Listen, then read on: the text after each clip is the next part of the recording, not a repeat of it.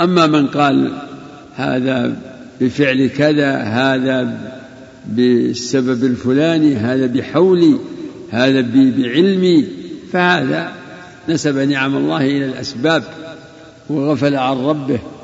فلذلك قال أهل العلم إن الاعتماد على الأسباب شرك في التوحيد. نعم اقرأ المسائل.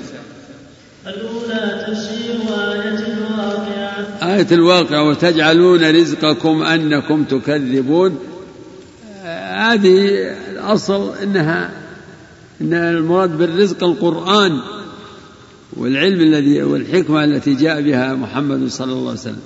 جعلوا حظهم منها التكذيب. إنه لقرآن كريم في كتاب مكنون لا يمسه إلا المطهرون تنزيل من رب العالمين.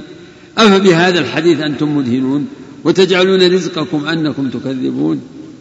فلولا إذا بلغت الحلقوم وأنتم حينئذ تنظرون ونحن أقرب إليه منكم ولكن لا تبصرون. الآية. أفبهذا الحديث أنتم مدهنون وتجعلون رزقكم يعني حظكم من هذا الحديث التكذيب. حظهم التكذيب. وبئس وبئس الحظ. ويشمل من جهة العموم أيضا الرزق الذي هو المطر. الله سماه رزقا. وفي السماء رزقكم وما توعدون. وفي الآية الأخرى واختلاف الليل والنهار وما أنزل الله من السماء من رزق فأحيا به الأرض بعد موتها. نعم. من اللي قال لك إن الرزق كل رزق مخلوق؟ ها؟ إلا صح. مخلوق والقرآن ليس بمخلوق. إيه. حتى اللي بيتحجج واجد عندهم الشبهات والحجج في أكثر من ذلك. وتجعلون رزقكم حظكم ونصيبكم من القرآن التكذيب. نعم بعد. الثانية ذكر الأربع التي من أمر الجاهلية. نعم كما في الحديث. نعم. الثالثة ذكر الكفر في بعضها. في بعض في بعضها. في بعضها وهي الاستذكار بالنجوم لأنه دل على ذلك الحديث الثاني حديث زيد بن خالد. ذكر الكفر في بعضها نعم. بل والطعن في الأنساب كما سيأتي اثنتان في الناس هما بهم كفر. يمكن الشيخ يريد هذا وهذا نعم. أحسن الله إليك. شرح الشيخ ابن عثيمين رحمه الله في رزقكم ذكر معنيين. واحد منهم المطر وذكر الأول هو أن المراد به رزق العلم. نعم. العلم منين؟ ذكر لأن الله قال فلا أقسم بواقع النجوم وإنه لقسم لو تعلمون عظيم. وذكر الآيات حتى قوله وتجعلون رزقكم أنكم تكذبون. أي تخافونهم فتداهنونهم. إيش؟ تخافونهم وين؟ فتداهنونهم. إيه. وتجعلون شكر ما رزقكم الله به من العلم والوحي أنكم تكذبون به. وهذا هو ظاهر سياق الآية. نعم. وتجعلون شكرا. شكر ما رزقكم الله به من العلم والوحي. خلاص. أنت تريد إيش؟ لا أذكر قول الشيخ الله. جيد. تفضل. أحسن الله إليك. ثالثة ذكر الكفر في بعضها. الرابعة أن من كفر ما أن أن من الكفر ما لا يخرج من الملة. نعم. يعني الكفر فيها أكبر وأصغر. فمن قال مطرنا بنوع كذا وكذا فهذا كفر. ما دام أنه لا لا يعتقد أنها مؤثرة بنفسها مستقلة عن الله. وهكذا الطعن في النسب. هو كفر لكن لا يخرج من الملة. نعم. خامسة قوله أصبح من عبادي مؤمن بي وكافر بسبب نزول النعمة. يعني أن نزول النعمة سبب يعني لاختلاف الناس اختلاف الناس فيها. فمنهم من يعترف بفضل المنعم وينسبها إليه ومنهم من هو بخلاف ذلك. أعد المسألة. قوله أصبح من عبادي مؤمن بي وكافر بسبب نزول النعمة. مقصود إن إن إن الناس أمام النعم هكذا. وإذ تأذن ربكم لئن شكرتم لأزيدنكم ولئن كفرتم إن عذابي لشديد. قال تعالى فاذكروني أذكركم واشكروا لي ولا تكفرون. نعم. وقال سبحانه وتعالى إنا خلقنا الإنسان من نطفة أمشاج نبتلي فجعلناه سميعا بصيرا. إنا هديناه السبيل إنا هديناه السبيل إما شاكرا وإما كفورا. نعم. السادسة التفطن للإيمان في هذا الموضع. تفطن للإيمان في هذا الموضع. يعني ينبغي للإنسان عند حدوث النعمة أن يتذكر فضل الله. هذا من الإيمان. التفطن للإيمان في هذا الموضع. يرجع الإنسان إلى عقيدته. ولا يغلب عليه فكر أهل الجاهلية واعتقاد أهل الجاهلية.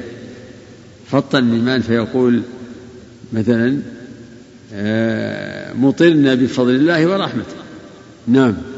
السابعة التفطن للكفر في هذا الموضع. نعم فيه التفطن بأن بأن من نسب هذه النعمة إلى غيره فذلك كفر به فذلك من الكفر وهو كفر النعمة. الشيخ يجعل من فوائد هذا الباب يعني التفطن لما يقع من الإيمان والكفر حتى يتميز بإيمانه عن حال الكافرين. نعم. الثامنة التفطن لقوله لقد صدق نوع كذا وكذا. هذا قول الجهال الذين لم يتمكن الإيمان في قلوبهم. يقول لقد مطرنا بنوع كذا وكذا. قال فذلك كافر مؤمن بالكوكب. نعم. التاسعة إخراج العالم للمتعلم المسألة بالاستفهام عنها. لقوله أتدرون ماذا قال ربكم؟ هذا أسلوب من أساليب التعليم وهو طرح المسألة بصيغة السؤال. ومن ذلك مجيء جبريل للنبي يسأله مسائل ليسمع الناس جوابها من فمه صلى الله عليه وسلم. وهكذا هنا قال أتدرون؟ وقال لمعاذ أتدري ما حق الله؟ فإظهار المعنى بصيغة السؤال هو من الدواعي لاستقراره في النفوس وفهمه فهم المعنى المقصود. نعم. العاشرة وعيد النائحة. وعيد النائحة ظاهر من الحديث. إذا لم تتب قبل موتها تقام يوم القيامة. نعم. انتهت أحسن الله إليك. بارك الله فيك. الحمد لله رب العالمين. والصلاة والسلام على أشرف الأنبياء والمرسلين نبينا محمد وعلى آله وصحبه أجمعين. قال المؤلف رحمه الله رحمة واسعة باب قول الله تعالى ومن الناس من يتخذ من دون الله أندادا يحبونهم كحب الله وقوله قل إن كان آباؤكم وأبناؤكم وإخوانكم وأزواجكم وعشيرتكم وأموال اقترفتموها وتجارة تخشون كسادا ومساكن ترضونها أحب إليكم أحب إليكم من الله ورسوله وجهاد في سبيله فتربصوا حتى يأتي الله بأمره. وعن أنس أن رسول الله صلى الله عليه وسلم قال لا يؤمن أحدكم حتى أكون أحب إليه من ولده ووالده والناس أجمعين. اخرجاه ولهما عنه رضي الله عنه قال قال رسول الله صلى الله عليه وسلم ثلاث من كن فيه وجد بهن حلاوة الإيمان. أن يكون الله ورسوله أحب إليه مما سواهما. وان يحب المرء لا يحبه الا لله وان يكره ان يعود في الكفر بعد اذ انقذه الله منه كما يكره ان يقذف في النار وفي روايه لا يجد احد حلاوه الايمان حتى إلى اخره يقول الشيخ رحمه الله باب قول الله تعالى ومن الناس من يتخذ من دون الله اندادا يحبونهم كحب الله ترجم بالآية أو جعلت الآية ترجمة للباب كما تقدم نظائر ذلك. لم يعبر بعنوان يتضمن دلالة على موضوع الباب لكن نعلم أو نعلم موضوع الباب وترجمة الباب من النصوص التي أوردها رحمه الله. فهذا الباب في المحبة باب ما جاء في المحبة أو باب وجوب محبة الله ورسوله أو باب حكم المحبة وما إلى ذلك. والمحبة معلوم منها عمل قلبي عمل قلبي وهي أنواع محبة طبيعية. محبة الإنسان لولده وزوجته ومحبته لطعامه. نعم ويطعمون الطعام على حبه. لن تنالوا البر حتى تنفقوا مما تحبون. هذه المحبة طبيعية. ومحبة إيمانية وهي محبة الله ومحبة ما يحب. محبة الله أو المحبة لله وفي الله. هذه محبة إيمانية. وأصلها محبة الله. والمحبة فيه والمحبة له هذه فرع عن محبة الله. قال سبحانه وتعالى قل إن كنتم تحبون الله فاتبعوني يحببكم. الله وقال تعالى يحبهم ويحبونه. ومحبة شركية وهي المحبة مع الله. يعني محبة الله محبة أحد كمحبة الله. وهذه تتضمن جعل المخلوق ندا لله كما قال سبحانه ومن الناس يعني بعض الناس. من يتخذ من دون الله أندادا يعني نظراء يحبونهم كحب الله. قوله تعالى يحبونهم كحب الله قيل معناه يحبونهم يحبون أندادهم كمحبتهم لله. يعني فالمشركون يحبون أندادهم ويحبون الله. لكنهم يسو يسوون أندادهم بالله في المحبة. وقيل يحبونهم أي يحبون أندادهم كحب المؤمنين لله. وهذا يقتضي أنهم يحبون أندادهم أعظم من حبهم لله. والأول هو الراجح. أن المعنى يحبون أندادهم مثل حبهم لله كحب الله فالمصدر مضاف إلى المفعول كحب الله أي كحبهم لله. والذين آمنوا أشد حبا لله يعني والذين آمنوا أشد حبا لله من المشركين من حب المشركين لله أو من حب المشركين لأندادهم. والأول هو الموافق للقول الأول في الجملة الأولى. فالمعنى ومن الناس من يتخذ من دون الله أندادا يحبونهم كحبهم لله والذين آمنوا أشد حبا لله من المشركين من حب المشركين لله سبحانه وتعالى. فتضمنت هذه الآية المحبة يعني تضمنت أو ذكر فيها المحبة الشركية والمحبة الإيمانية. وقال سبحانه وتعالى قل إن كنتم تحبون قل إن كان آباؤكم وأبناؤكم إلى قوله أحب إليكم من الله ورسوله وجهاد في سبيله. محبة الله ورسوله هي المحبة الإيمانية ومحبة هذه الأشياء محبة طبيعية محبة هذه المحبوبات الثمانية. هذه لا تسمى آية المحبوبات الثمانية فهي محبة طبيعية. فمن أحب شيئا من هذه المحبوبات أعظم من حبه لله كان مذموما ومتوعدا. لقوله أحب إليكم من الله ورسوله وجهاد في سبيله فتربصوا حتى يأتي الله بأمره. والله لا يهدي القوم الفاسقين. وقال صلى الله عليه وسلم في حديث أنس لا يؤمن أحدكم حتى أكون أحب إليه من ولده ووالده والناس أجمعين. وقال لعمر لا حتى أكون أحب إليك من نفسك. فقال والذي نفسي بيدي إنك لا إلي من نفسي. فقال الآن يا عمر. فهذا فيها أنه يجب من محبة أنه يجب على المسلم أن يحب الرسول فوق محبته لكل الناس من والده أو والدته وولده والناس أجمعين. ونفي الإيمان هذا نفي لكمال الإيمان الواجب. فمن لم يحب الرسول هذه المحبة فهو آثم بحسب ما نقص من محبته للرسول عليه الصلاة والسلام. وقد قارن الله محبة الرسول بمحبته في الآية وكذلك في الحديث الآتي حب إليكم من الله ورسوله. وفي الحديث يكون الله ورسوله أحب إليه مما سواه. والرسول حقيق بهذه المحبة. فهو الذي كانت الهداية على يده عليه الصلاة والسلام. فكل ما حصل ويحصل للمسلمين من خير وسعادة وبر وتقوى وعمل صالح فهو بسببه صلى الله عليه وسلم. وهو أفضل الخلق. فينبغي للعبد أن يوافق ربه في المحبة فيحب ما أحب. فإذا كان الرسول أحب الخلق إلى الله فهكذا يجب على العبد أن يحبه فوق محبته لكل لكل أحد من الخلق. والله أعلم. أما حديث أنس الثاني ففيه دلالة على فضل هذه الأمور الثلاثة.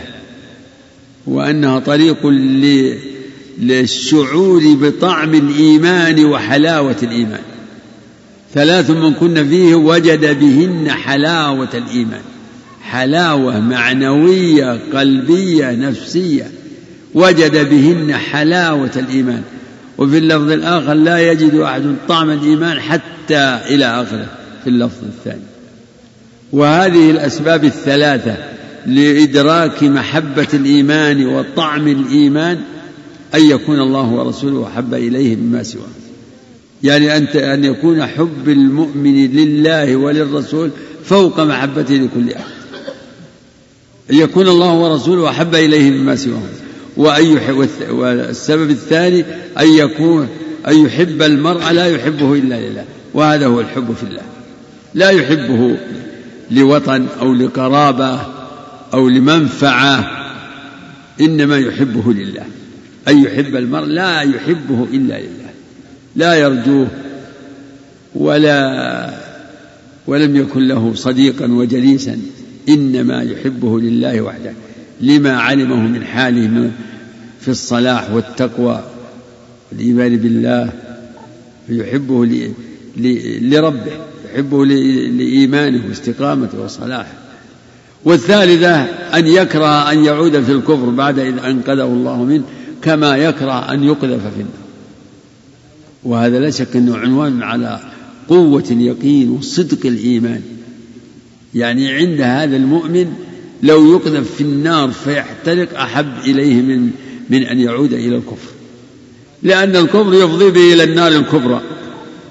فمن تحقق بهذه الثلاث وجد طعم الإيمان. فنسأل الله من فضله سبحانه وتعالى. نسأل الله من فضله. إنها مواهب ربانية. نسأل الله أن يرزقنا حبه وحب رسوله وحب من يحب وأن يعيدنا من الكفر. وأن وأن يحبب إلينا الإيمان لينه في قلوبنا ويكره إلينا الكفر والفسوق والعصيان. الله أكبر. حسبك يا عصام. نعم. لله رب العالمين. الصلاة والسلام على أشرف الأنبياء والمرسلين. نبينا محمد وعلى آله وصحبه أجمعين. قال المؤلف رحمه الله تعالى في باب قول الله تعالى ومن الناس من يتخذ من دون الله أندادا يحبونهم كحب الله. وعن ابن عباس رضي الله عنه قال من أحب في الله وأبغض في الله ووالى في الله وعادى في الله فإنما تنال ولاية الله بذلك. ولن يجد عبد طعم الإيمان وإن كثرت صلاته وصومه حتى يكون كذلك. وقد صارت عامة مؤاخاة الناس على أمر الدنيا وذلك لا يجزي على أهله شيئا. رواه ابن جرير.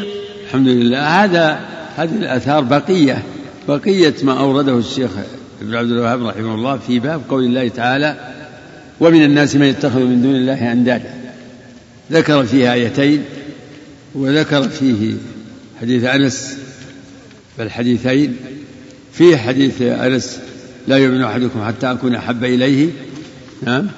أو في حديث أو حديث نعم. حديث الحديث الأول حديث أنس. ها؟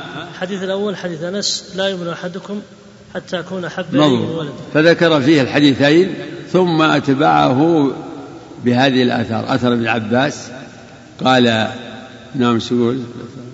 من أحب لله. من أحب من أحب لله في الله وأبغض في الله ووالى في الله وعاد في الله فإنما تنال ولاية الله بذلك.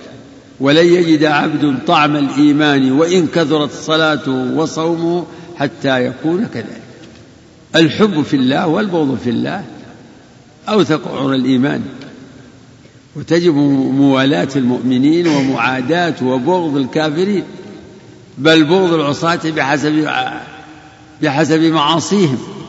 فمن منهج أهل السنة والجماعة أنهم يحبون من يحبه الله فيحبون أهل العدل الاستقامة والأمانة ويبغضون أهل الشر والفجور والخيانة. وإن كانوا من أقرب الناس إليه من آبائهم وأبنائهم وإخوانهم وعشيرتهم كما تقدم في الآية قل إن كان آباؤكم وأبناؤكم إلى قول أحب إليكم من الله ورسوله وجهاد في سبيله فتربصوا.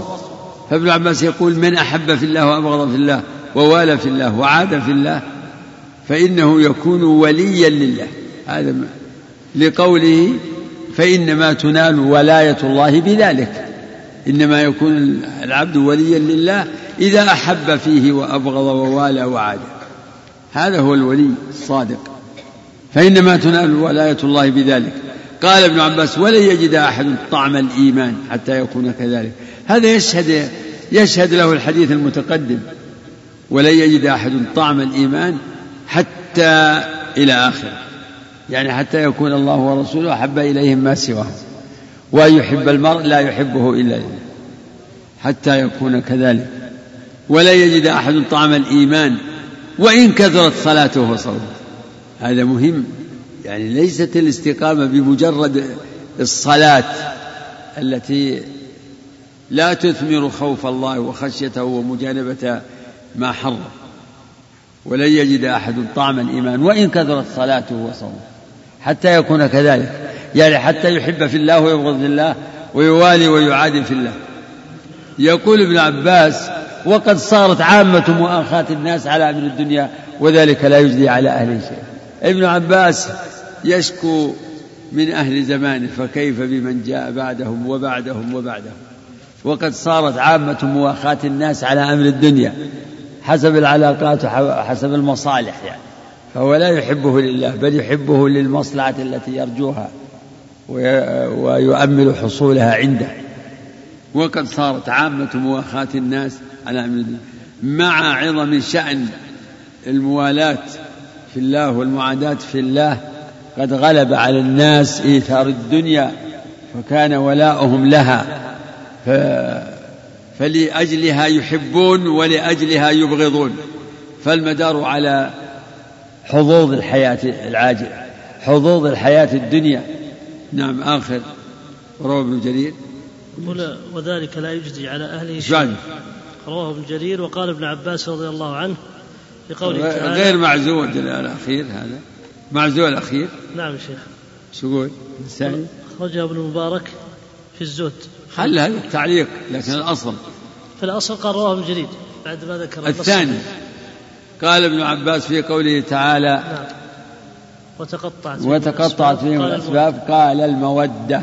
المودة التي كانت بينهم الذهب. فهي تشبه قوله تعالى الأخلاء يومئذ بعضهم لبعض عدو إلا المتقين. ذهبت تلك الأسباب وتلك الصلات. فإذا نفخ في الصور فلا أنساب بينهم. اقرأ المسائل. فيه مسائل. الأولى تفسير آية البقرة. ومن الناس من يتخذ من دون الله أندادا. وتقدم. نعم. الثانية تفسير آية براءة. نعم. الثالثة وجوب محبته صلى الله عليه وسلم على النفس والأهل والمال. نعم. فالحديث فالحديث صريح في هذا. لا يؤمن أحدكم حتى أكون أحب إليه من ولده ووالده والناس أجمعين. فإذا كان هذا في محبة الناس فكيف بمحبة المال؟ فيجب على المسلم أن يحب الرسول فوق محبته لأقرب الناس إليه. ولعل الصواب وجوب تقديم محبته. وجوب تقديم محبته. هذا جيد من ناحية أنه قدمه عليه أن قدم يتعدى بعلى. وجوب تقدم محبته. وجوب محبته على النفس والأهل والمال. الحقيقة جيد الاستدراك هذا. وجوب تقدم أو تقديم محبته على النفس والأهل والمال. نعم رابعا. الرابعة نفي الإيمان لا يدل على الخروج من الإسلام. نفي الإيمان لا يدل على الخروج. فكل نفي للإيمان فهو نفي لكماله الواجب. نفي لكمال الإيمان الواجب. فنفي الإيمان لا يستلزم الكفر. نعم. الخامسة أن الإيمان حلاوة قد يجدها أن, أن, أن للإيمان حلاوة قد يجدها الإنسان وقد لا يجدها. أن للإيمان حلاوة قد يجدها الإنسان وقد لا يجدها. نعم. لكن من وجدها فهو مؤمن حقا ثلاث من كن فيه وجد بهن حلاوة الإيمان. وفي اللفظ الآخر ثلاث من كن فيه وجد طعم الإيمان. نعم. السادسة أعمال القلب الأربع التي لا تنال ولاية الله إلا بها ولا يجد أحد طعم الإيمان إلا بها. أعيد المسألة. أعمال القلب الأربع التي لا تنال ولاية الله إلا بها. يشير إلى ما جاء في أثر ابن عباس. أعمال أربعة متقابلة اثنين واثنين حب في الله وأبغض في الله. ووالى في الله وعاد في الله. فهي أربعة. نعم. السابعة فهم الصحابي للواقع أن عامة المؤاخاة على أمر الدنيا. نعم معرفة ابن عباس لواقع الناس. يعني لا هو ما هو بمثابة إنسان معتزل لا يدري عن أحوال الناس. نعم بعد. الثامنة تفسير وتقطعت بهم الأسباب. أي المودة؟ التاسعة أن من المشركين من يحب أن من المشركين من يحب الله حبا شديدا. من المشركين من يحب الله محبة شديدة. أخذا من قوله تعالى ومن الناس من يتخذ من دون الله أندادا يحبونهم كحب الله. لا إله إلا الله. يحبونهم كحب الله. على أحد التفسيرين وهو مرجوح أنهم يحبونهم كحب المؤمنين لله. فتدل الآية على هذا أن المشركين يحبون أندادهم محبة شديدة. نعم. العاشرة الوعيد على من كان الثمانية أحب إليه من دينه. الوعيد الشديد على من أحب هذه الأشياء قدمها على دينه. لقوله تعالى فتربصوا حتى يأتي الله بأمره. والله لا يهدي القوم الفاسقين. الله المستعان. الله المستعان. نعم. الحادية عشرة أن من اتخذ ندا تساوي محبته محبة الله فهو الشرك الأكبر. إيش؟ أن من اتخذ ندا تساوي محبته محبة الله فهو الشرك الأكبر. لا إله إلا الله. أخذ من الآية. ومن الناس من يتخذ من دون الله أندادا يحبونهم كحب الله. والذين آمنوا أشد حبا لله. فمن أحب مخلوقا كمحبته لله بحيث يجعله ندا لله فهو مشرك كافر. نعم. انتهت المسائل أحسن الله بارك الله فيكم. نكتفي بهذا اليوم. الله عليك يا شيخ. هل تفقد حلاوة الإيمان من قبل من قلب المؤمن؟ يعني أو تكون بنسب متفاوتة. لأنه لو فقد الحلاوة لا لا الحلاوة قدر زائد قدر زائد على يعني ولهذا رواية لا يجد أحد طعم الإيمان هذه صحيح لك حق ترد يعني تقول فيها تريد سؤالك. أما الحلاوة فهي قدر زائد على مجرد الطعم طعم الإيمان. يعني قد تجد في الشيء تجد له يعني طعم أو أنك تتناول لكن لا تجده لذيذا لا تجده حلوا. فرواية ثلاث من كنا فيه وجد بهن حلاوة الإيمان عندنا أبلغ لا يجد أحد طعم الإيمان حتى يكون كذلك. نعم. محبة إيش؟ إيه. ما نقول بها ما نقول بها الطريقة لكن نحبه بحسب يعني ما نعلمه من استقامته وصلاحه نعم. ما دام مسلم فله عليك محبة لكنه قد تحدث أمور يعني تبغضه إليك. فأنت تبغضه من وجه وتحبه من وجه. وفق الله الجميع. والصلاة والسلام على أشرف الأنبياء والمرسلين نبينا محمد وعلى آله وصحبه أجمعين. قال المؤلف رحمه الله تعالى في باب قول الله تعالى إنما ذلكم الشيطان يخوف أولياءه فلا تخافوهم وخافون إن كنتم مؤمنين. وقول الله تعالى إنما يعمر مساجد الله من آمن بالله واليوم الآخر وأقام الصلاة وآتى الزكاة واقام الصلاة واتى الزكاة ولم يخش إلا الله فعسى أولئك أن يكونوا من المهتدين. وقول الله تعالى ومن الناس من يقول آمنا بالله فإذا أوذي في الله جعل فتنة الناس كعذاب الله. الآية وعن أبي سعيد رضي الله عنه مرفوعا إن من ضعف اليقين أن ترضي أن ترضي الناس بسخط الله وأن تحمدهم على رزق الله وأن تذمهم على ما لم يؤتك الله. إن رزق الله لا يدره حرص حريص ولا يرده كراهية كاره. وعن عائشة رضي الله عنها أن رسول الله صلى الله عليه وسلم قال: من التمس رضا الله بسخط الناس رضي الله عنه وأرضى عنه الناس. ومن التمس رضا الناس بسخط الله سخط الله عليه وأسخط عليه الناس. رواه ابن حبان في صحيحه في مسائل. حسبك. الله. يقول الشيخ رحمه الله باب قول الله تعالى إنما ذلكم الشيطان يخوف اولياءه فلا تخافوهم وخافوني إن كنتم مؤمنين. إلى آخر ما ذكر من الآيات وكذلك الأحاديث. يفهم من هذه النصوص أن مقصود هذه الترجمة بيان وجوب الخوف من الله لا من سواه. فلو قال باب الخوف أو باب ما جاء في الخوف أو باب فضل الخوف من الله. والخوف آه، عمل قلبي. عمل قلبي وحال قلبية. وهي التألم مما هو في المستقبل.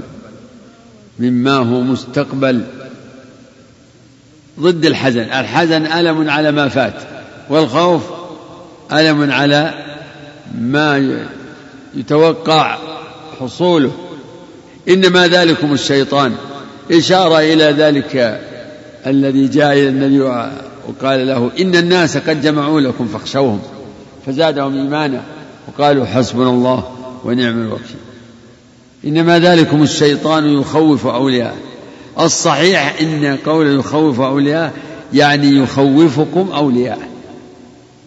وإن كان هو أيضا يخوف أولياءه يعني يلقي في نفوسهم الخوف يلقي في قلوبهم الخوف يخوف أولياءه. لكن الصواب إن المراد يخوفكم أولياء ولهذا قال بعدها فلا تخافوهم فلا تخافوهم وخافوني إن كنتم مؤمنين. فنهى عن خوف الأعداء الخوف الذي يمنع من قتالهم. وأما مطلق مطلق خوف هذا وارد.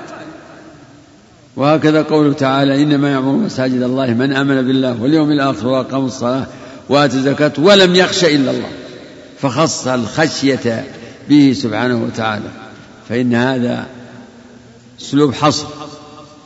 ولا يخشون إلا الله. ولم يخش إلا الله فعسى أولئك أن يكونوا من المهتدين. ففي هذه الآية دلالة كذلك على فضل الخوف من الله وأن المؤمنين عمار المساجد المقيمين للصلاة المؤتين الزكاة يخافون الله ويعظمونه ولم يخش إلا الله.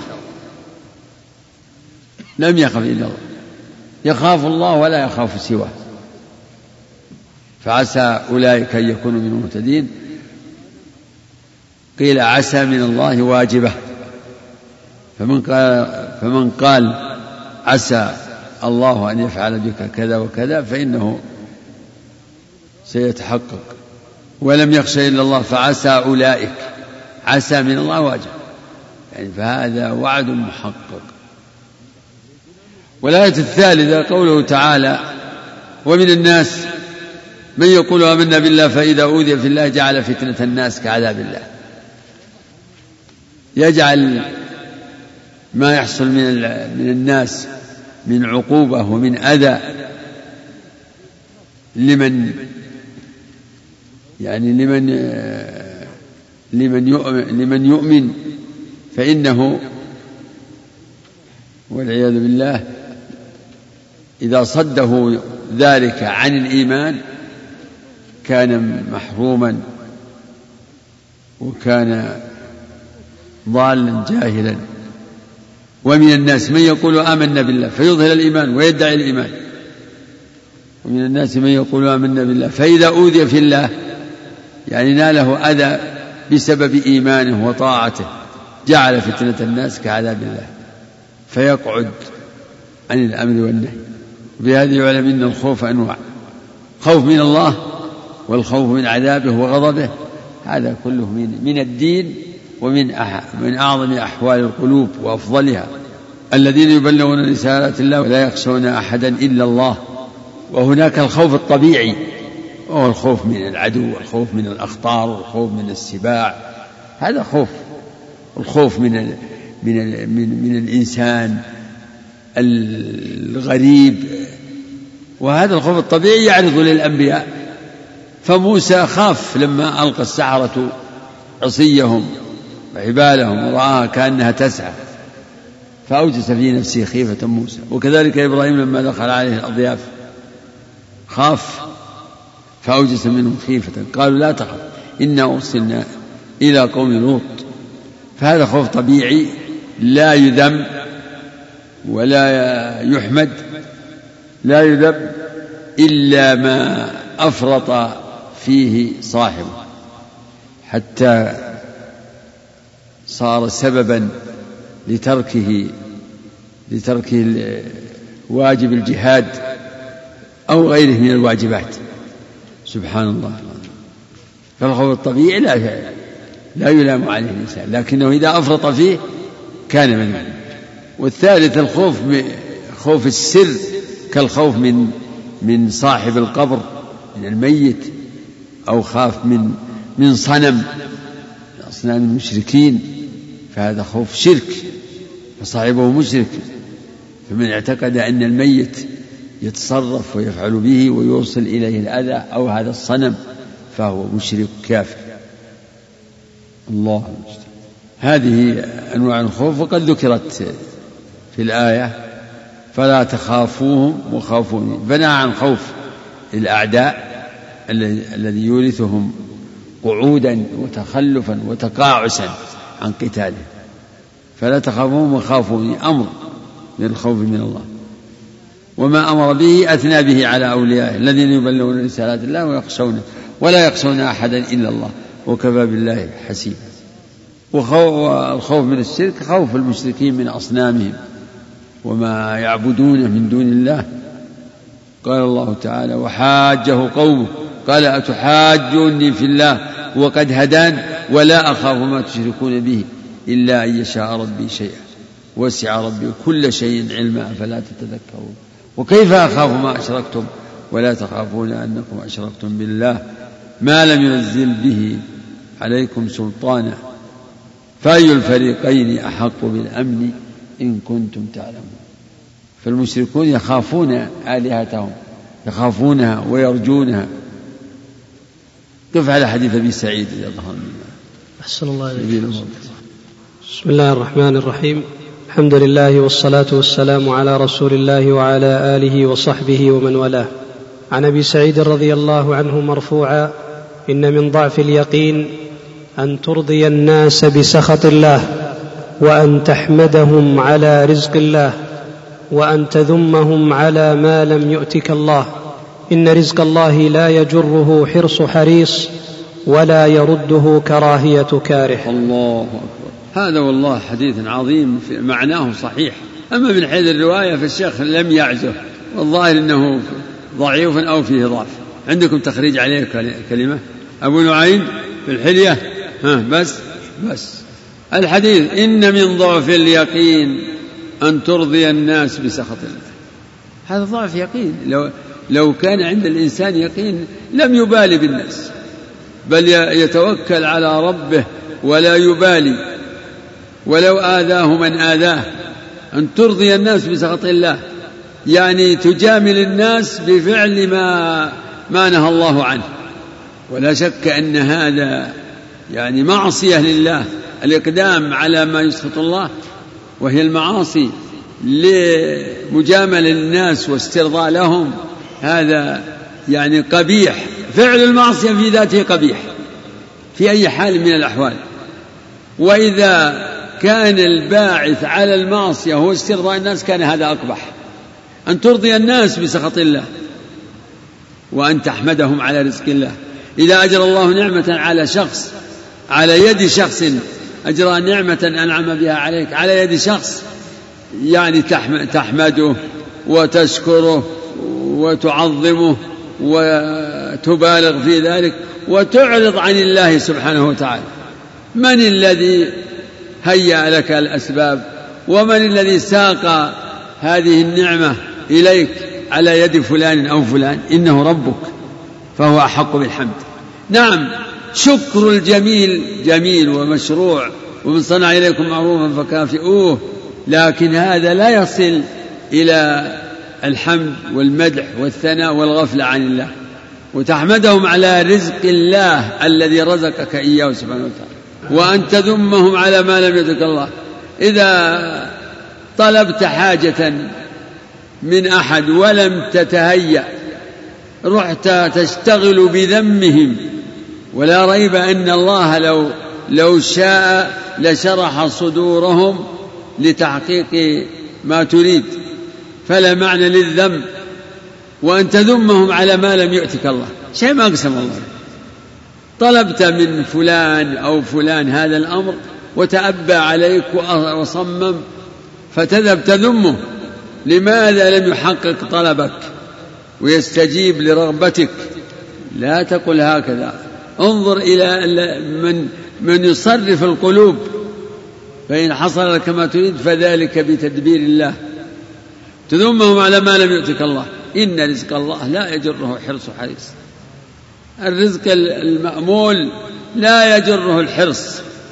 نعم حرص مع استعانة بالله وتوكل عليه وتوجه إليه. نعم احرص احرص على ما ينفعك واستعن بالله ولا تعجز. إن رزق الله لا يجره حرص حريص ولا يرده كراهيتك. في آية في القرآن تشهد لهذا المعنى ما هي؟ لا لا. أي نعم نعم نعم. ما يفتح الله للناس من رحمة فلا وما يمسك فلا مرسل له من بعده. وإن يمسسك الله بضر فلا كاشف له. وإن يردك بخير فلا راد لفضله. لا مانع لما أعطى ولا معطي لما منع.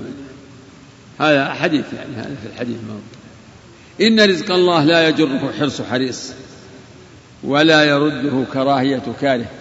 في حديث عائشة رضي الله عنها في حديث عائشة رضي الله عنها من التمس رضا الله بسخط بسخط الناس رضي الله عنه وأرضى عن الناس. ومن التمس رضا الناس بسخط الله سخط الله عليه وأسخط عليه الناس. فهذا فيه تحريم استرضاء الناس بما يسخط الله وترغيب في التماس رضا الله ولو ولو بما يسخط الناس. أما التماس سخط الناس هذا ليس يعني مطلبا. اللهم إلا التماس سخط الكفار المحاربين. وفي هذا الحديث إثبات صفتي الرضا والسخط. والله تعالى يرضى ويسخط كيف شاء. حسبك الشيخ. فضيلة الشيخ نأمل من فضيلتكم توضيح قول النبي صلى الله عليه وسلم لا عدوى ولا طيرة ولا هامة ولا صفرة. هكذا كتب. لا عدوى ولا طيرة ولا هامة ولا صفر متفق عليه. وما نوع النفي في الحديث؟ وكيف نجمع بينه وبين حديث فر من المجذوم فرارك من الأسد؟ الحمد لله وصلى الله وسلم وبارك على عبده ورسوله وعلى آله وصحبه. تضمن هذا الحديث إبطال اعتقاد بعض اعتقادات أهل الجاهلية. أهل الجاهلية على اسمهم يصدرون عن الجهل ويمشون في ظلمات الجهل والغفلة الشرك. من اعتقاداتهم أن المرض يعدي بطبعه وأن من يخالط المريض يصيبه فجاء هذا النفي لإبطال هذا الاعتقاد. فليس المرض يعدي بطبعه ولا وليست العدوى حتما. لكن قد تكون المخالطة سببا بإذن الله. فالحوادث و وما يجري. اقتضت حكمة الله أن يكون أن تكون له أسباب فهو خالق الأسباب والمسببات. ويدل لهذا قوله فر من المجذوم فرارك من الأسد ولا يورد ممرض على مصح. لأن المخالطة قد تكون سببا. فنهى عن مخالطة المجذوم المصاب بالجذام ونهى عن إيراد صاحب الإبل المراض على صاحب الإبل الصحاح. فقول فر من المجذوم ولا يريد ممرض على مصح فيه يعني يتضمن الأخذ بالأسباب. ويتضمن إبطال ويتضمن كذلك آه الإرشاد إلى عدم التعرض بما قد يفضي إلى اعتقاد أهل الجاهلية. فمن خالط مريضا ثم أصيب آه، يحمله ذلك على اعتقاد العدوى. فسدا لذريعة هذا وذاك نهي عن مخالطة المجذوم المصاب بالجذام وإيراد صاحب الإبل المراض على صاحب الإبل الصحاح. لا عدوى ولا طيرة. كذلك الطيرة أبطلها الإسلام. وهي من اعتقادات أهل الجاهلية. يعتقدون أن الطير أو بعض الطيور إذا جاء إلى الإنسان ووقع على جدار بيته أو على أو ونعق فهذا منذر بكذا بهلاك وموت. وهذا جهل لا أصل له. أو مثلا ينظر في سير الطيور إن ذهبت يمين تفاءل وسعد ومضى في طريق. وإن رأت شمال آه، تشاءم وربما أفضى به ذلك إلى التصرف على أساس هذه الطيرة. والهامة كذلك يعني قيل إنها البومة فالتشاؤم بها هو نوع من الطيرة. فعطف الهامة على قوله ولا طيرة من عطف الخاص عن العام. وكذلك صفر فسر بشهر صفر الذي ينطلق فيه العرب بعد آه، يعني حظر الأشهر الحرم ومنعهم من من الغارة والقتال. إذا انقضى محرم أغار بعضهم على بعض. فكان هذا الشهر عندهم كان عندهم آه، مسؤوما. وشهر صفر كغيره من الشهور لا فرق. فليس له خصوصية في خير ولا شر. نعم.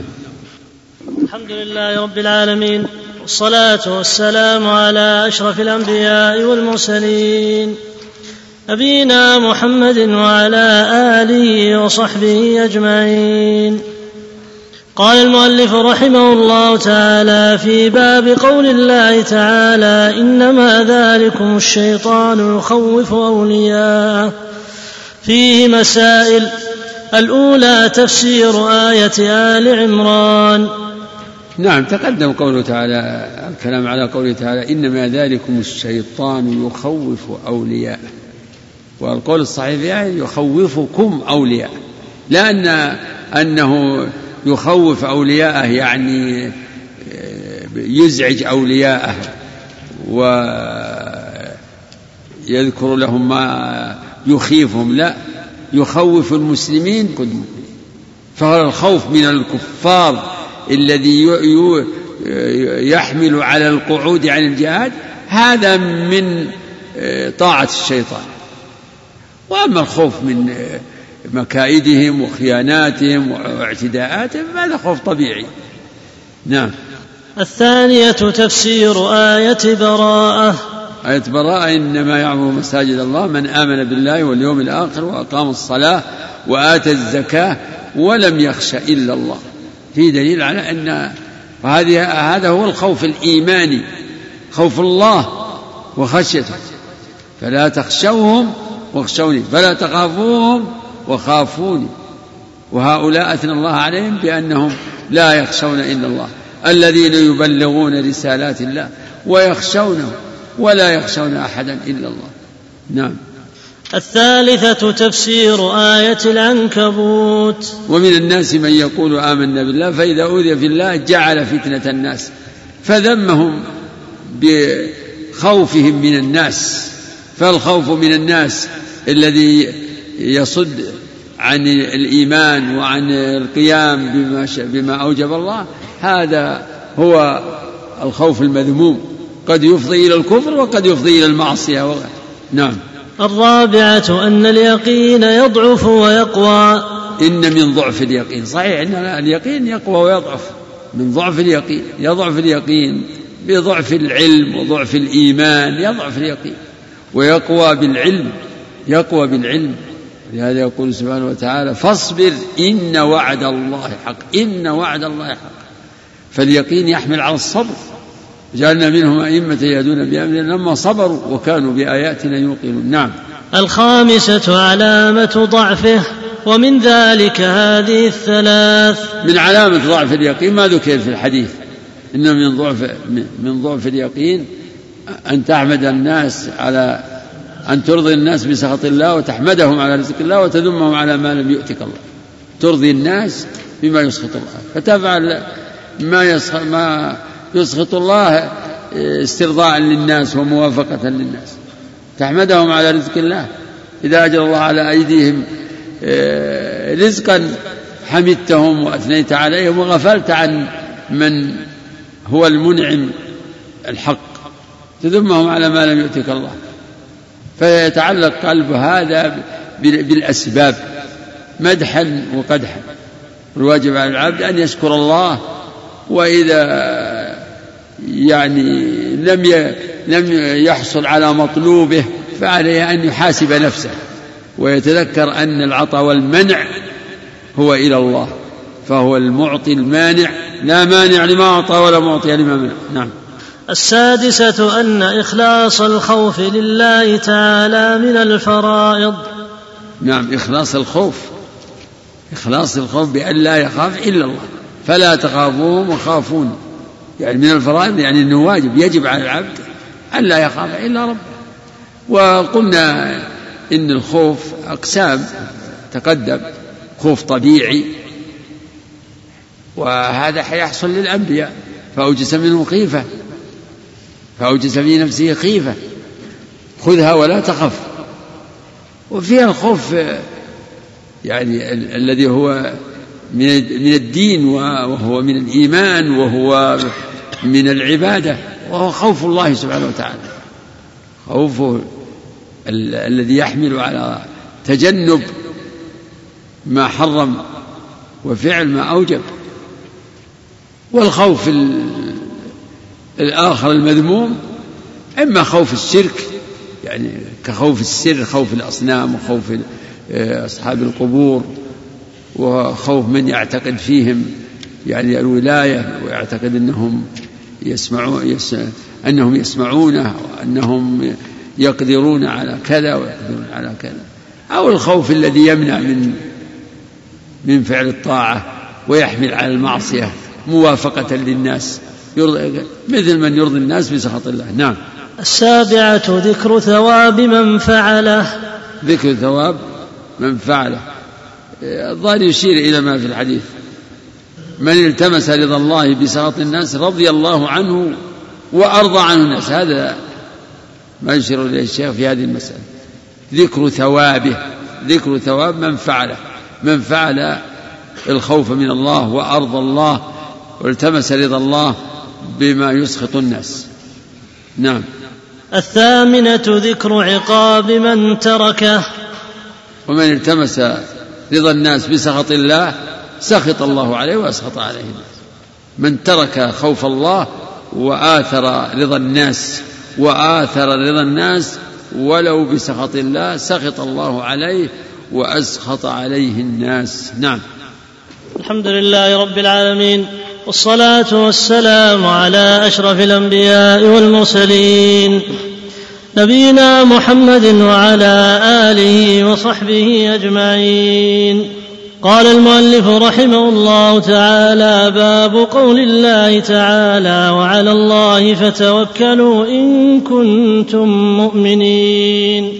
وقوله تعالى إنما المؤمنون الذين إذا ذكر الله وجلت قلوبهم الآية وقوله تعالى يا أيها النبي حسبك الله الآية وقوله تعالى ومن يتوكل على الله فهو حسبه وعن ابن عباس رضي الله عنهما قال حسبنا الله ونعم الوكيل قالها إبراهيم عليه السلام حين ألقي في النار وقال محمد صلى الله عليه وسلم حين حين قالوا له إن الناس قد جمعوا لكم فاخشوهم فزادهم إيمانا. الآية رواه البخاري والنسائي. يقول الشيخ باب قول الله تعالى وعلى الله فتوكلوا إن كنتم مؤمنين.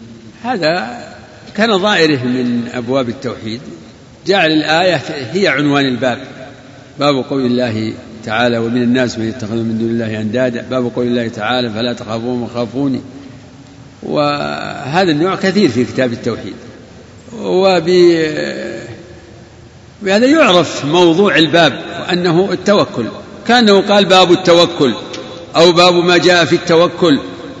أو باب فرض التوكل أو ما أشبه ذلك من العبارات. فيفهم موضوع الباب من يعني من نفس ما تضمنه من الأدلة.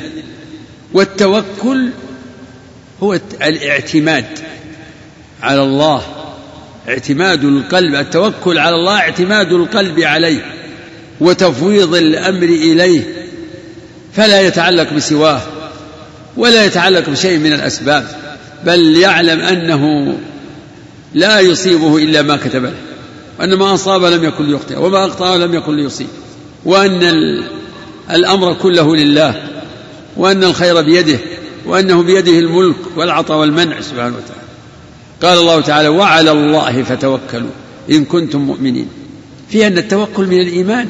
التوكل على الله من الإيمان.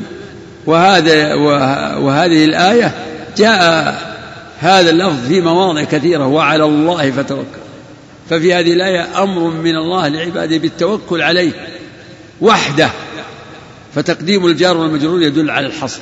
يعني وعلى الله فتوكلوا لا على غيره إن كنتم مؤمنين.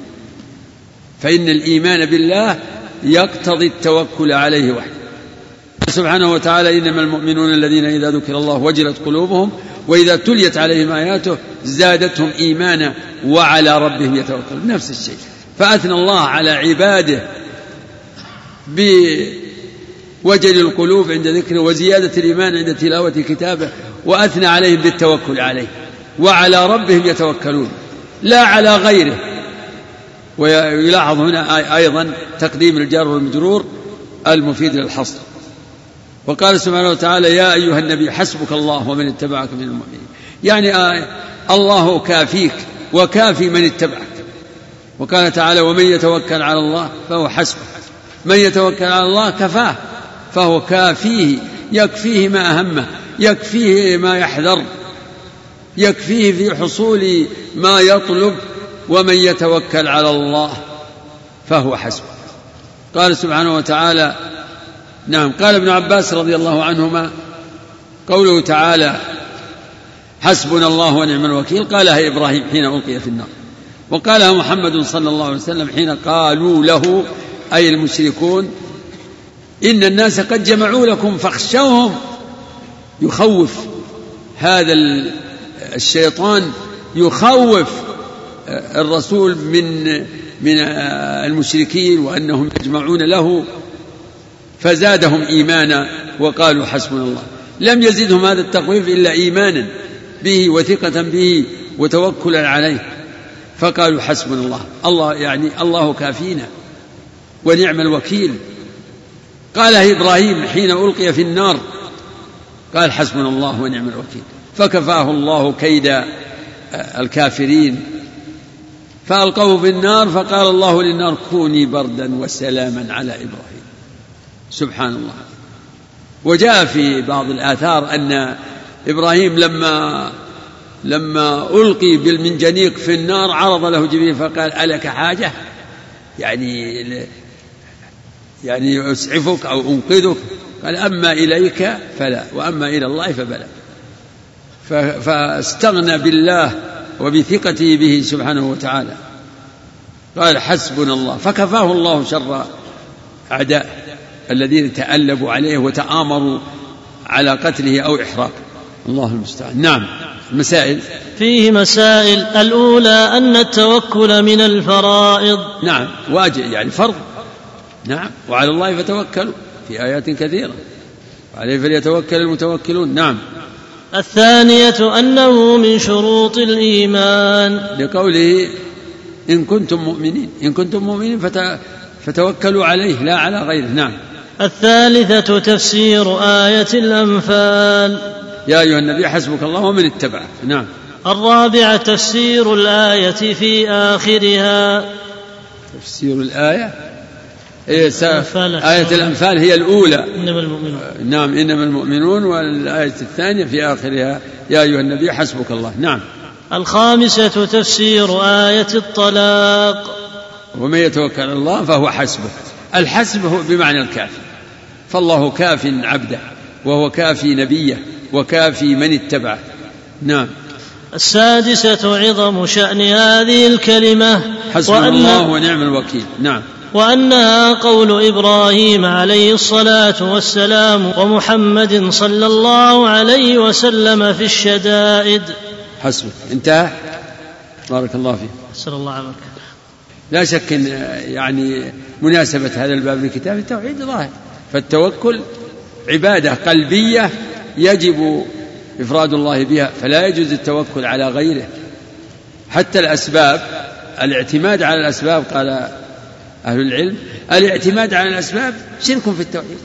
وفعل الأسباب لا ينافي التوكل على حد ما جاء في الحديث. اعقل واتكل يعني افعل السبب أغلق أبوابك و والبس الدرع في الحرب وخذ سلاحك وتوكل على الله.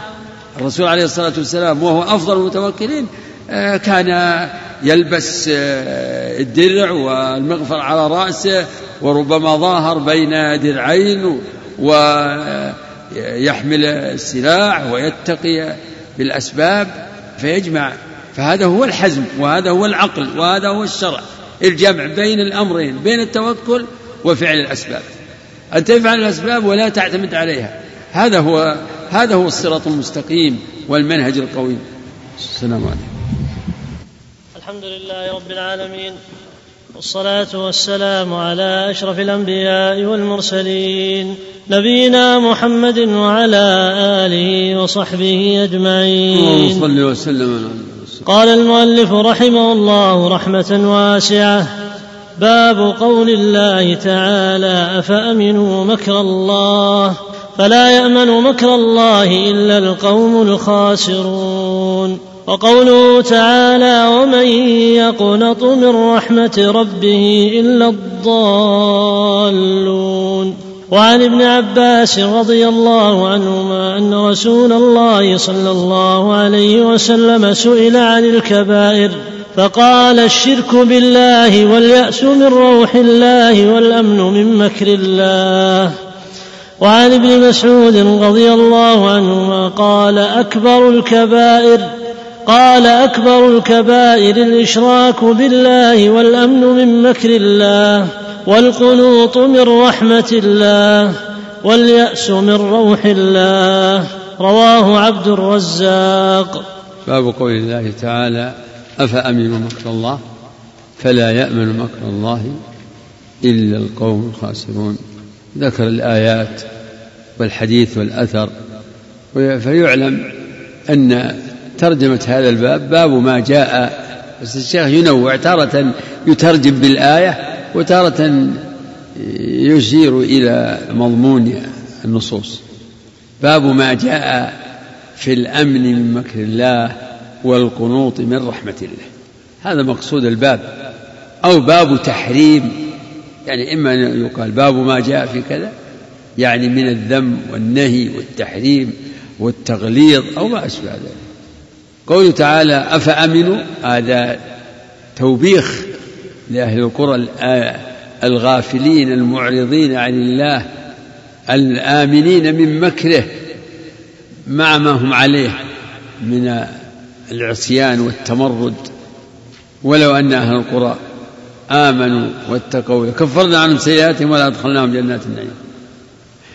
لكفرنا ولو أن أهل القرى آمنوا واتقوا لفتحنا عليهم بركات من السماء والأرض ولكن كذبوا فأخذناهم بما كانوا يكسبون.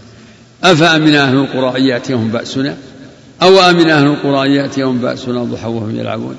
أو أمنوا مكر الله فلا يأمن مكر الله إلا القوم الخاسرون. أفأمنوا مكر الله؟ فلا يأمن مكر الله إلا القوم الخاسرون. والآية تدل على أن الله يوصف بالمكر. يقول يقال إنه خير الماكرين ويقال إنه يمكر بالكافرين والمنافقين. فهو تعالى يمكر حقيقة. والقول فيه كالقول في سائر الصفات. لكن مكر الإنسان منه محمود ومذموم. أما مكر الله فكله محمود. لأنه قائم على العدل والحكمة فهو يمكر بمن شاء لكن بعدل وحكمة ولا يظلم ربك أحد. والأمن من مكر الله أمن يعني عدم الخوف من من عذاب الله ومن مكره ومن صور المكر الاستدراج. سنستدرجهم من حيث لا يعلمون. والمكر تدبير خفي يظهر فيه يعني النفع والمسر الخير وفي الباطن خلاف ذلك. فمن مكر الله في المنافقين أن أن قبل علانيتهم وترك سرائرهم لحساب يوم الحساب. وقوله أفا وقوله إنه لا ييأس من روح الله إلا القوم الكافر ليأس. يعني الأمن عدم الخوف من عذاب الله ومن بأس الله ومن غضبه. واليأس خلافه. إنه انقطاع الرجاء. فالأمن انقطاع الخوف أو عدم الخوف. واليأس ضده انقطاع الرجاء. فالآمن لا واليائس لا يرجو. والواجب على العبد أن يخاف ويرجو. كما قال تعالى إنهم كانوا يسارعون في الخيرات ويدعوننا رغبا ورهبا. وقال تتجافى جنوبهم راجع وطمعا. واليأس من روح من رحمة الله والروح الرحمة. اليأس من روح الله يعني من رحمة الله. والقنوط من رحمة الله معناهما متقارب. فدلت هذه الآيات وهذه الأحاديث أو الآثار من مكر الله وأنه سبب للخسران وتحريم اليأس من روح الله. من شأن الكافرين لا ييأس من روح الله إلا القوم الكافرون. وحديث ابن عباس قيل يا رسول الله ما الكبائر؟ فقال الإشراك بالله الأمن من مكر الله والقنوط من رحمة الله. وفي أثر ابن عباس فيه جعل الإياس والقنوط شيئين. فهذه كلها من الكبائر. الأمن من مكر الله من كبائر الذنوب لكن لكنها من الأعمال القلبية. اليأس والأمن من أعمال القلوب. فهي من الكبائر القلبية. يعني المحرمات منها الظاهر ومنها الباطن. فهذه أمور باطنة. الأمن واليأس. فالأمن هو غلو في الرجاء واليأس غلو في الخوف. غلو.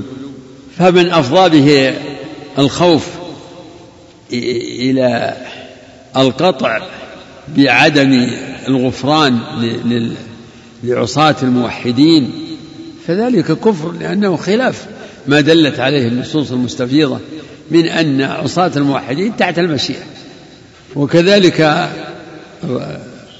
الأمن يفضي إلى الخسار لأنه يتضمن إنكار الوعيد فهم يعني الأمن من شأن المرجئة والياس من من شأن أو يناسب مذهب من؟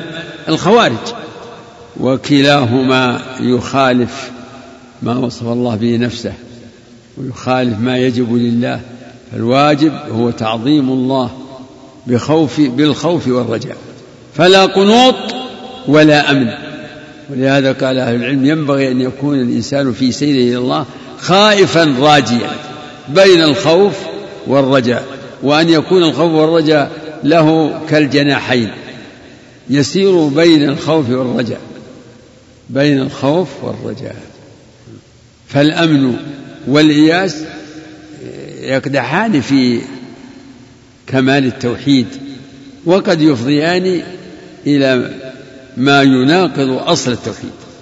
والله أعلم. مسائل؟ فيها أربع سر الله يقولها لأن الأولى تفسير آية الأعراف. أفأمنوا مكر الله؟ أفأمنوا مكر الله؟ يعني أجهلوا وغفلوا وعتوا فأمنوا مكر الله؟ هذا هو التحقيق إن الفاء عاطفة على مقدر. نعم بعد مقدر بعد همزة الاستفهام. نعم. الثانية تفسير آية الحجر. إنه لا يقنط نعم بعده. الثالثة شدة الوعيد في من أمن مكر الله. فلا يأمن مكر الله إلا القوم الخاسرون. نعم. الرابعة شدة الوعيد في القنوط. ومن يقنط من رحمة ربه إلا الضالون. إنه لا يأس من روح الله إلا القوم الكافرون. نعم والله أعلم. الحمد لله رب العالمين والصلاة والسلام على أشرف الأنبياء والمرسلين. نبينا محمد وعلى آله وصحبه أجمعين. قال المؤلف رحمه الله تعالى باب من الإيمان بالله الصبر على أقدار الله. وقول الله تعالى ومن يؤمن بالله يهد قلبه قال علقمة هو الرجل تصيبه المصيبة فيعلم أنها من عند الله فيرضى ويسلم. وفي صحيح مسلم عن أبي هريرة رضي الله عنه أن رسول الله صلى الله عليه وسلم قال اثنتان في الناس هما بهم كفر الطعن في النسب والنياحة على الميت ولهما عن ابن مسعود مرفوعا ليس منا من ضرب الخدود وشق الجيوب ودعا بدعوى الجاهلية. وعن أنس رضي الله عنه أن رسول الله صلى الله عليه وسلم قال إذا أراد الله بعبده الخير عجل له بالعقوبة في الدنيا. بالعقوبة؟ عندي كذا أحسن الله بدون باء أحسن الله إليك. نعم. عجل له العقوبة في الدنيا. وإذا أراد بعبده الشر أمسك عنه بذنبه حتى يوافى به يوم القيامة. وقال النبي صلى الله عليه وسلم إن عظم الجزاء مع عظم البلاء وإن الله تعالى إذا أحب قوما ابتلاهم فمن رضي فله الرضا ومن سخط فله السخط. حسنه الترمذي. باب من الإيمان الصبر على أقدار الله. الصبر على أقدار الله المؤلمة. يعني ما ما قدره الله من المصائب في النفس والمال وغير ذلك. الصبر عليها هو من الإيمان. وقد أمر الله بالصبر على ذلك. ولنبلونكم بشيء من الخوف والجوع ونقص من الأموال والأنفس والثمرات. وبشر الصابرين. وبشر الصابرين الذين إذا أصابتهم مصيبة قالوا إنا لله وإنا إليه راجعون. أولئك عليهم أولئك عليهم صلوات من ربهم ورحمة وأولئك هم المهتدون. وذكر الشيخ قوله تعالى ما أصاب من مصيبة إلا بإذن الله. ومن يؤمن بالله يهدي قلبه. من يؤمن بالله وذلك بصبره على ما أصابه يهدي الله قلبه. وهذا من الجزاء المعجل. أن أن يهدي الله قلبه ويثبته حتى يشرق الإيمان في قلبه ويزداد إيمانا مع إيمانه. قال علقمة رحمه الله ابن وقاص قال هو العبد تصيبه المصيبة فيعلم أنها من عند الله فيرضى ويسلم. هذا تفسير للإيمان. ومن يؤمن بالله يهدي قلبه. والرجل تصيبه المصيبة فيعلم أنها من عند الله. أي بتقديره وبإذنه. فيرضى ويسلم. يسلم الأمر لله ولا يس ولا يتسخط القضاء ولا يعترض على قضاء الله بل يسلم الأمر لله ويصبر ويحتسب ولا يتسخط القضاء ولا يفعل محرما ولا يتكلم بمحرم. وذكر الشيخ بعد هذا آيات أحاديث ليس منا من ظن أن النبي صلى الله عليه وسلم قال اثنتان في الناس هما بهم كفر. الطعن في النسب. وتقدم والنياحة على الميت. كما تقدم في باب ما جاء في الاستسقاء بالنجوم. فهاتان خصلتان من من أمور الجاهلية التي تبقى في هذه الأمة. تتوارثها الأجيال. يعني لا تزول بل يبقى في الأمة من يكون منه ذلك. طعن في النسب اثنتان في الناس هما بهم كفر. الطعن في النسب والنياحة النياحة هذا النياحة من مظاهر الجزع. صياح وولولة وتعداد محاسن هما بهم كفر. وهذا والمراد بالكفر كفر دون كفر أي كفر أصغر. وهكذا حديث ابن عباء بن مسعود رضي الله عنه. مرفوعا أن النبي صلى الله عليه وسلم قال ليس منا من ضرب الخدود. يعني عند المصيبة. وشق الجيوب ودعا بدعوى الجاهلية. وفي الحديث الصحيح أنا بريء من الصالقة والحالقة والشاقة. الصالقة التي ترفع صوتها والحالقة التي تعلق شعرها. والشاقة التي تشق ثوبها عند المصيبة ليس منا من ضرب الخدود. بعض الناس الذي لا صبر عنده إذا وقعت له مصيبة صار يضرب نفسه جزعا يضرب خده يضرب صدره. والرافضة البعداء يفعلون مظاهر الجزع بأبشع صورها على مقتل الحسين الذي مضى عليه مئات السنون. بل ألف وفوق ثلاثمائة سنة. إذا جاء يوم عاشوراء صاروا يتدينون ويتظاهرون ويدعون محبة الحسين فيفعلون المنكرات وهي من من قبائح بدعهم وهي سبة يسب بها الإسلام عند من لا يدري عن حقيقة الأمر. ليس منا. هذا فيه التبري تبري الرسول. كقوله أنا بريء من الصالح والحالق والشاق وهو مثل هذا إنما يقتضي لا يقتضي كفر من فعل ذلك. إنما يقتضي المباعدة والمقاطعة وقطع الولاية. كقوله من غسنا فليس منا. وهو يفيد أن هذا الفعل من كبائر الذنوب. ثم ذكر الشيخ حديثين. وش الحديث الأول؟ حديث أنس قال صلى الله عليه وسلم إذا أراد الله بعبد الخير إذا أراد الله بعبد خيرا عجل له العقوبة في الدنيا وإذا أراد بعبد شرا أمسك عنه حتى يوافي به يوم القيامة.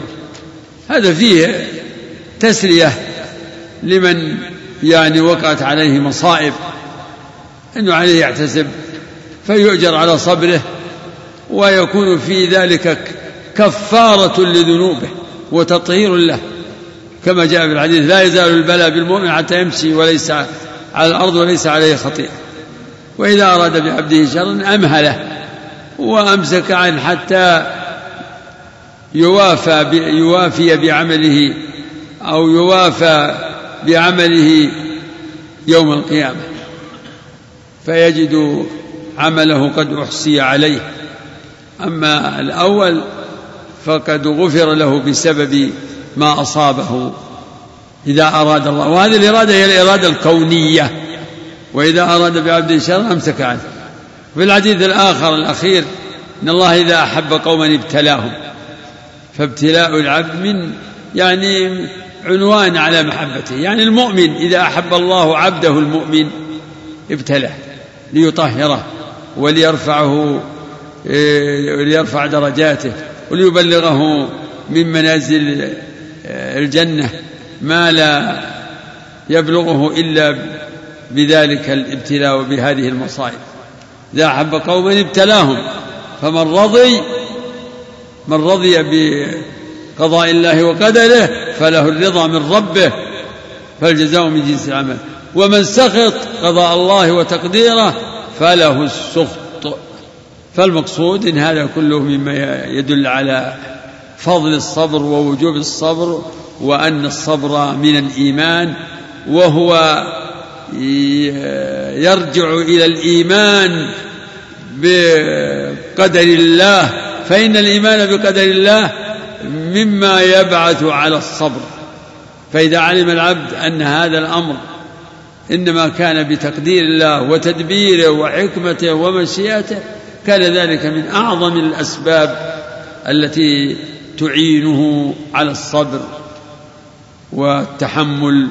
نعم والله أعلم. فيه مسائل.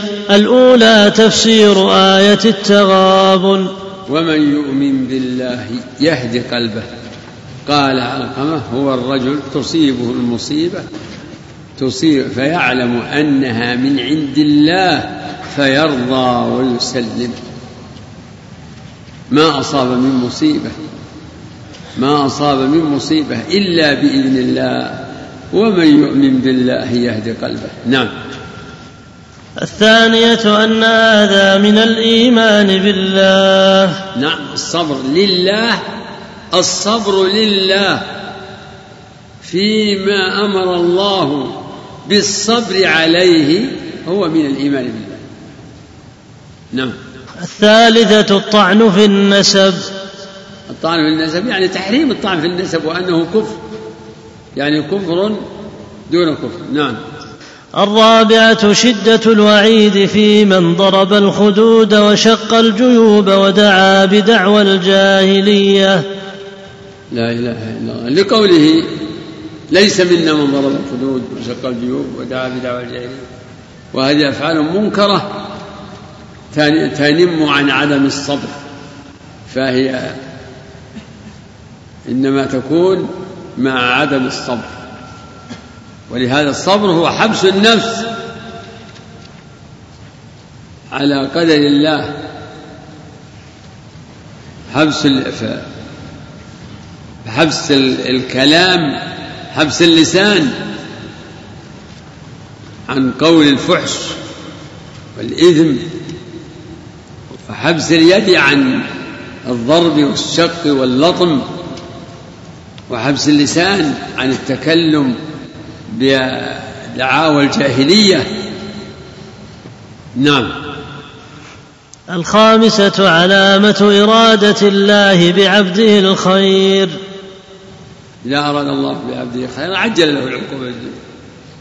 فمن يبتلى بأنواع المصائب هذا يرجى أن يكون أن الله اختار له خيرا وهو تكفير خطاياه في هذه الدنيا فيقدم على الله وليس عليه خطيئة. نعم. كما في الحديث المشهور لا يزال البلى بالمؤمن حتى يمشي على الأرض وليس عليه خطيئة. نعم. السادسة إرادة الله به الشر. في أن أن من الناس من يريد الله به الخير. فيوفقه ويهيئ له أسباب الخير ومنهم من يريد به الشر. فالشر والخير يقول ابن القيم ما معناه؟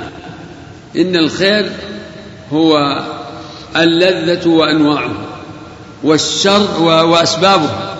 والشر هو الآلام وأسبابها.